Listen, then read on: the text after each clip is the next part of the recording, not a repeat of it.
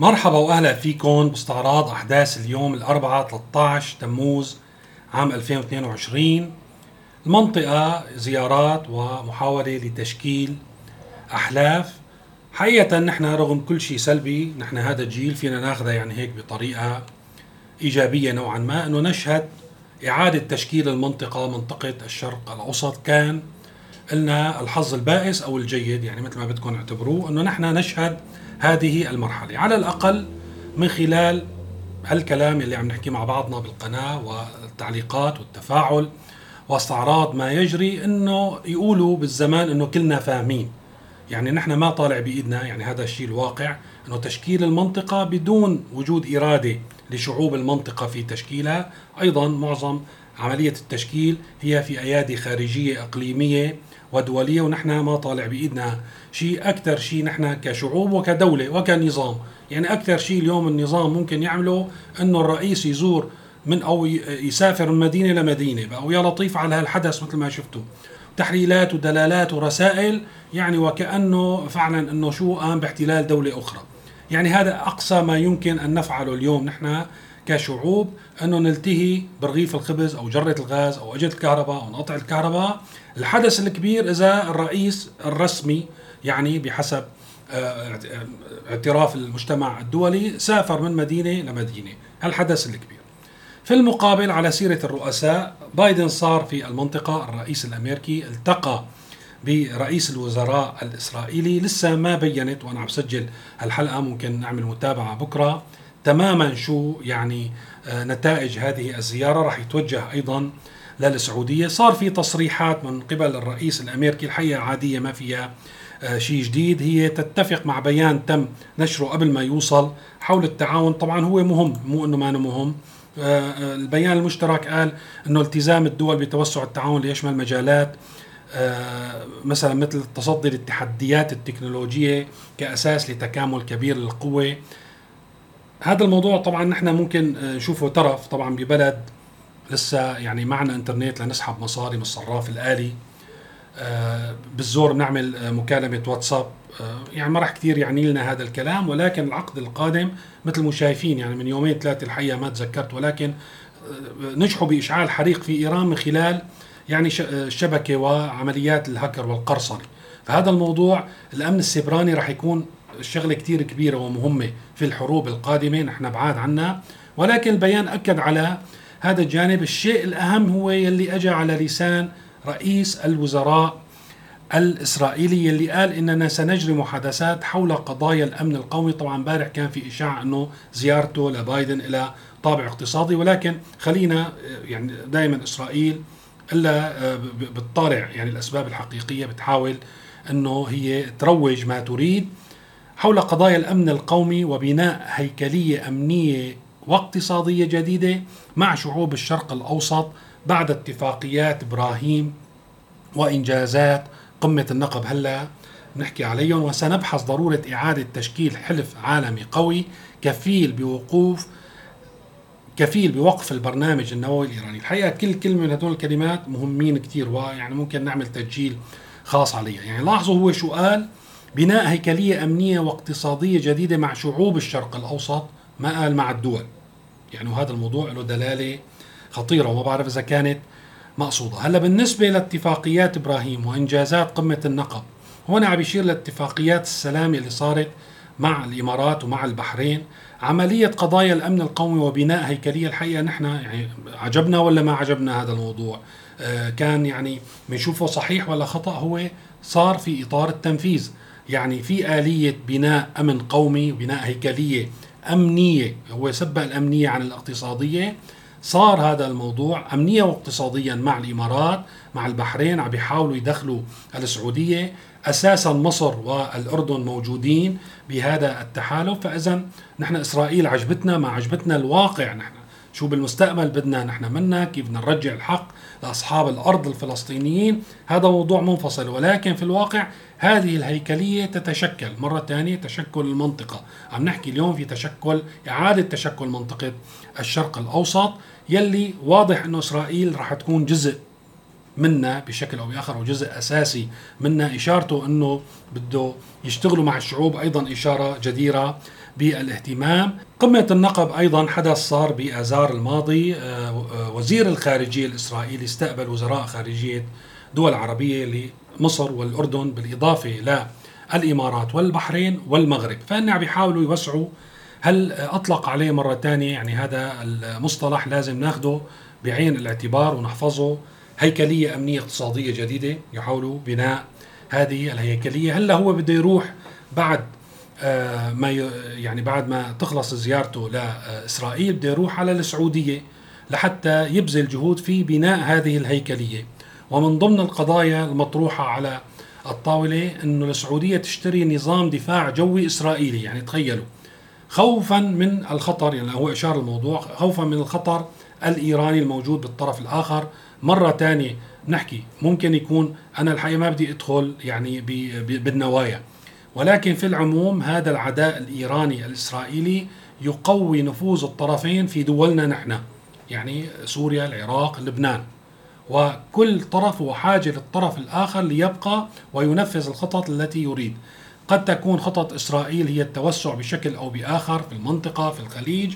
أيضا السبب الأساسي أو الذريعة الأساسية لإنشاء هذه الهياكل هذا التعاون الاقتصادي لدمجها في آه، محيطها العربي هو وجود إيران. وإيران توسع نفوذها أيضا في سوريا في العراق في لبنان بحجة أنه هذه التحالفات تهدد امنا مثل ما صار في تصريحات اليوم من خلال وسائل الاعلام والمقابلات يلي شفتها هيك هذا اللي عم بيصير مين رايح بنجرين مرة ثانية نحن يلي ما طالع بإيدنا شيء أكثر شيء ممكن نعمله أنه الرئيس يسافر من مدينة لمدينة.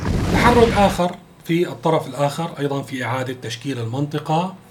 تم الإعلان عن لقاء ثلاثي في طهران بين آه، رئيس الإيراني والرئيس الروسي بوتين والرئيس التركي أردوغان. في 19 يمكن تموز بتوقع هذا التاريخ. أيضا ما تم الإعلان كثير عن مضمون اللقاء ولكن في كثير من القضايا ومنها القضية السورية حقيقة ومنها الملف السوري بالإضافة للمازق يلي وقع فيه روسيا. هون بدي اوضح موضوع كثير مهم. روسيا انسد يعني بوشها طريق الغرب بدها تتجه شرقا. لا شك راح تلاقي أيادي ممدودة في الشرق يعني هذا الموضوع لا شك فيه. ولكن راح تكون هالأيادي حذرة بأنه تعمل تحالف يعني أنه تسمى دولة حليفة لروسيا. ممكن يتبادلوا بعض المنافع. ممكن هذه الدول تستغل الظرف. ومنها إيران. وتتحصل على مكاسب إضافية خاصة إذا كانت اقتصادية من روسيا بأنه هي تكون بوابة أو هي تكون مثلا وسيط أو معبر. هلأ بدنا نحكي عن تركيا شلون عم تلعب هذا الدور. ولكن رح تحسب ألف حساب قبل ما هي تكون أو تعلن نفسها قوى حليفة لروسيا وبتوقع هذا الموضوع ما راح يصير لعدة أسباب لأن مرة ثانية الدور الوظيفي للنظام الإيراني هو شرق أوسطي منطقتنا يتعلق بإسرائيل بشكل أو بآخر. واثنين يعني إيران مو ناقصة عقوبات وإنه هي تضم أوروبا للولايات المتحدة الأمريكية. يعني اليوم يناصب إيران العداء بشكل كبير وهي الولايات المتحدة الأمريكية أوروبا تقريبا موقفها وسطي إذا تحالفت إيران أو أعلنت تحالف أو أخذت خطوات مثل ما بيقولوا بده يبيعون مسيرات هلا كمان نحكي بالموضوع. فهذا الموضوع راح أيضا يجعل أوروبا تقف في مواجهة إيران وتطبق عليه عقوبات. وإيران مو ناقصهم هذا الموضوع. هذا الموضوع إن حصل رح يعطل دورهم في الشرق الأوسط والدور المهم اللي عم يلعبوه لفائدة الغرب في منطقتنا. بالنسبة لتركيا تركيا أيضا ما رح يعني تكون حليفة أبدا. تركيا مرة ثانية هي الطرف من الناتو يلي ممكن تعمل اللي ما ممكن يعمله أي دولة أخرى. يعني وجودها الجغرافي طبيعتها هي للدولة طبيعة الشعوب الشعب التركي الموجود الذي بشكل أو بآخر ينتمي للعالم الإسلامي. بأهلها لتعمل أو تكون هي يكون لها أدوار أو جزء من الخطة العامة لا يمكن أن ينفذ إلا من خلال تركيا. بالإضافة طبعا تركيا دولة ويعني لها وزنها وحجمها وإلى مصالحها آه، أبدا ما ممكن وصفها أنه هي أداة آه، خالصة للغرب هي شريك للغرب بنسبة معينة. راح تحاول تتحصل على وهذا الموضوع ما بتوقع في اعتراض عليه حتى من قبل الولايات المتحدة الأمريكية تتحصل على مكاسب ونافع بصب بمصلحة اقتصادها ومصلحة شعبها يعني هذا الموضوع راح يكون المحادثات ضمن هذا الموضوع. هلا فيما يتعلق بسوريا في سوريا أيضا في تضارب بالمصالح أو يعني خلينا نقول تشابك في المصالح. بده يحاولوا يحلوا الشباب بين بعضهم لحتى يكونوا رضيانين. يعني تركيا بدها تدفع باتجاه آه، تنفيذ منطقتها الآمنة. لا شك أنه أردوغان راح يكون هذا على رأس أولوياته من خلال لقائه مع بوتين في آه، في إيران ومع الرئيس الإيراني رئيسي. آه، إيران آه، بدها تعزز وجودها في سوريا ضمن مثل ما قلنا دورها الوظيفي وروسيا بدها تحاول تحصل على مكاسب تتعلق بحربها في أوكرانيا ضد الغرب. يعني راح يكون آه، هذه التوقعاتي راح يكون اللقاء ضمن هذه الاطر هلا بنيجي على موضوع المسيرات. صار في تسريبات من قبل الولايات المتحدة الأمريكية إنه إيران بدها تبيع مسيرات لروسيا. يعني هذا الموضوع طبعا روسيا بتنتج مسيرات ولكن ممكن بدها أعداد آه، إضافية. اليوم للصدفة قريت بروسيا اليوم يعني الموضوع يشكك بإنه روسيا ممكن تاخذ مسيرات من إيران. وهذا الموضوع منطقي لأن إيران صحيح تنتج مسيرات ولكن ما بتنتج كل القطع يعني التصنيع هو عبارة عن عمليه تجميع في الأدوات الحساسة الموجودة فيها ما راح أدخل بالتفاصيل هي من السوق العالميه يعني مكشوفة وبالتالي ممكن يتم يعني آه، إيجاد آه، أسلحة دفاعية تسقط بسهولة بحسب ما مكتوب بروسيا اليوم وبالتالي راح يكون استخدامها محدود يعني ضمن الحرب الروسية على أوكرانيا. هذا الشيء اللي صار حتى آه، إيران مرة ثانية إذا بدها تبيع المسيرات لروسيا رح تدخل بإطار التحالف مع روسيا. لذلك بنشوف أنه وزير الخارجية الإيراني أنكر ونفى أنه هو رح يبيع أي أسلحة آه، في الوقت الراهن لروسيا بهذا الإطار. إذا بدنا نرجع نحكي عن تركيا وكيف عم تحاول تستحصل على منافع ومكاسب اقتصادية موضوع تصدير الحبوب الأوكرانية اليوم إلى العالم معضلة لأن أوكرانيا الشاطئ تبع البحر الأسود. وطبعا في شواطئ لروسيا وفي حرب بين البلدين وأيضا تركيا من الدول الموجودة بشاطئ طويل على البحر الأسود أيضا. فرح تدخل تركيا نوع من الوساطة مع روسيا وأوكرانيا لحتى تصبح هذه العملية ممكنة لأن بين بعضهم ما راح تصير. يعني إذا بده يصير في شحنات روسيا راح يكون في عندها قلق ما يكون في أسلحة ما أسلحة بيأمن لها دخل. فروسيا أيضا إذا هي العملية تمت بدها تستفيد ولكن عبر الوسيط التركي. فكان اليوم في لقاء في إسطنبول حول الموضوع. لقاء طبعا ذا طابع عسكري ما سياسي. وبالتالي على الأغلب القرار وقت نقول عسكري معناتها القرار السياسي تم اتخاذه. هن عم يتفقوا على الترتيبات العسكرية لحتى ما يصير في أي استهداف أو اشتباك. وبعدين بيشوفوا كيف أو يمكن يكونوا اتفقوا على تقاسم المصالح لتصدير القمح والحبوب من أوكرانيا إلى باقي دول العالم عبر تركيا وبشراكة روسيا ولكن عبر الوسيط التركي. وهيك بيكونوا كل الأطراف استفادوا وأيضا حلوا مشكلة آه، عالمية اللي هي مشكلة الغذاء.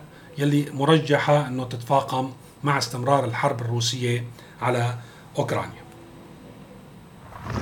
آخر شيء راح أحكي في ذات السياق هو تمديد آه، يعني آه، مدة لإدخال المساعدات عبر قرار بمجلس الأمن إدخال المساعدات الإنسانية عبر الشمال السوري عبر تركيا إلى الشمال السوري بس تم تمديده ل آه ست شهور. في ناس يمكن ما كثير متابعة بيقولوا آه في عندك الولايات المتحدة وفرنسا وبريطانيا امتنعت عن التصويت ما أيدت القرار؟ لأن هن كان بدهم سنة روسيا استخدمت الفيتو ما بدهم سنة وافقوا على ست شهور وبعض البنود الإضافية فصوتت 12 دولة بالموافقة آه، بمجلس الأمن وثلاث دول امتنعت عن التصويت في إشارة إنه هن مان مع السياسة الروسية. هلأ طيب وبعدين؟ بلكي روسيا بعد ست شهور ما وافقت شو بده يصير؟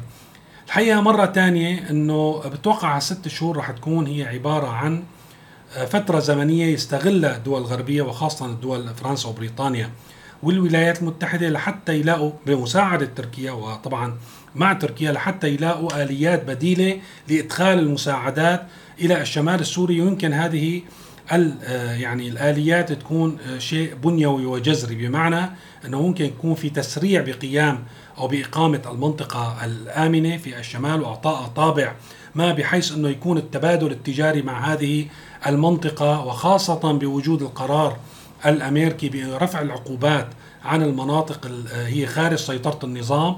نحن دائما ممكن نقرأ القرارات بأنه هي عن شيء مضى ولكن ممكن الولايات المتحدة الأمريكية تستبق الأمور وتصدر قرارات تفيد في المستقبل بتكريس واقع ما. وبالتالي أعتقد يعني أنه موضوع روسيا وأنه تستخدم الفيتو وتمنع بعد ست شهور متوقع إذا يعني هي ما رح تضل موافقة للأبد هي بدها تحاول تستحصل على مكاسب لحليفها أو لاداتها في المنطقة النظام السوري. اليوم الدول الغربية غير قبل الحرب الأوكرانية وغزو روسيا لأوكرانيا اليوم الغرب رح يكون عنده 100 مانع أنه ينصاع للسياسة الروسية في منطقتنا في سوريا. مرة ثانية نحن رايحين بين الإجرين وبالتالي رح يسرع بإيجاد حلول بديلة خلال هالست شهور في حال روسيا آه، يعني تمسكت بموقفها ومنعت أو صوتت آه، بالرفض عن آه، تمديد إدخال المساعدات الإنسانية عبر الشمال. فخلال هالست شهور رح نشوف شلون الأمور رح تتطور. بتوقع هي رح تتطور بالاتجاه بإيجاد بدائل بسرعة ممكنة إذا الوقت ما كان كافي. بتوقع راح يتم تمديد ست شهور أخرى. طبعا مقابل التمديد بيعطوا بعض المكاسب لروسيا من تحت الطاولة ولكن على المدى البعيد ما راح يضل هذا الموضوع تحت رحمة روسيا وراح يتم إيجاد حلول بديلة خلال هالست شهور أو السنة القادمين. هذا كل شيء بدنا نحكيه اليوم. شكرا لمتابعتكم وإلى اللقاء.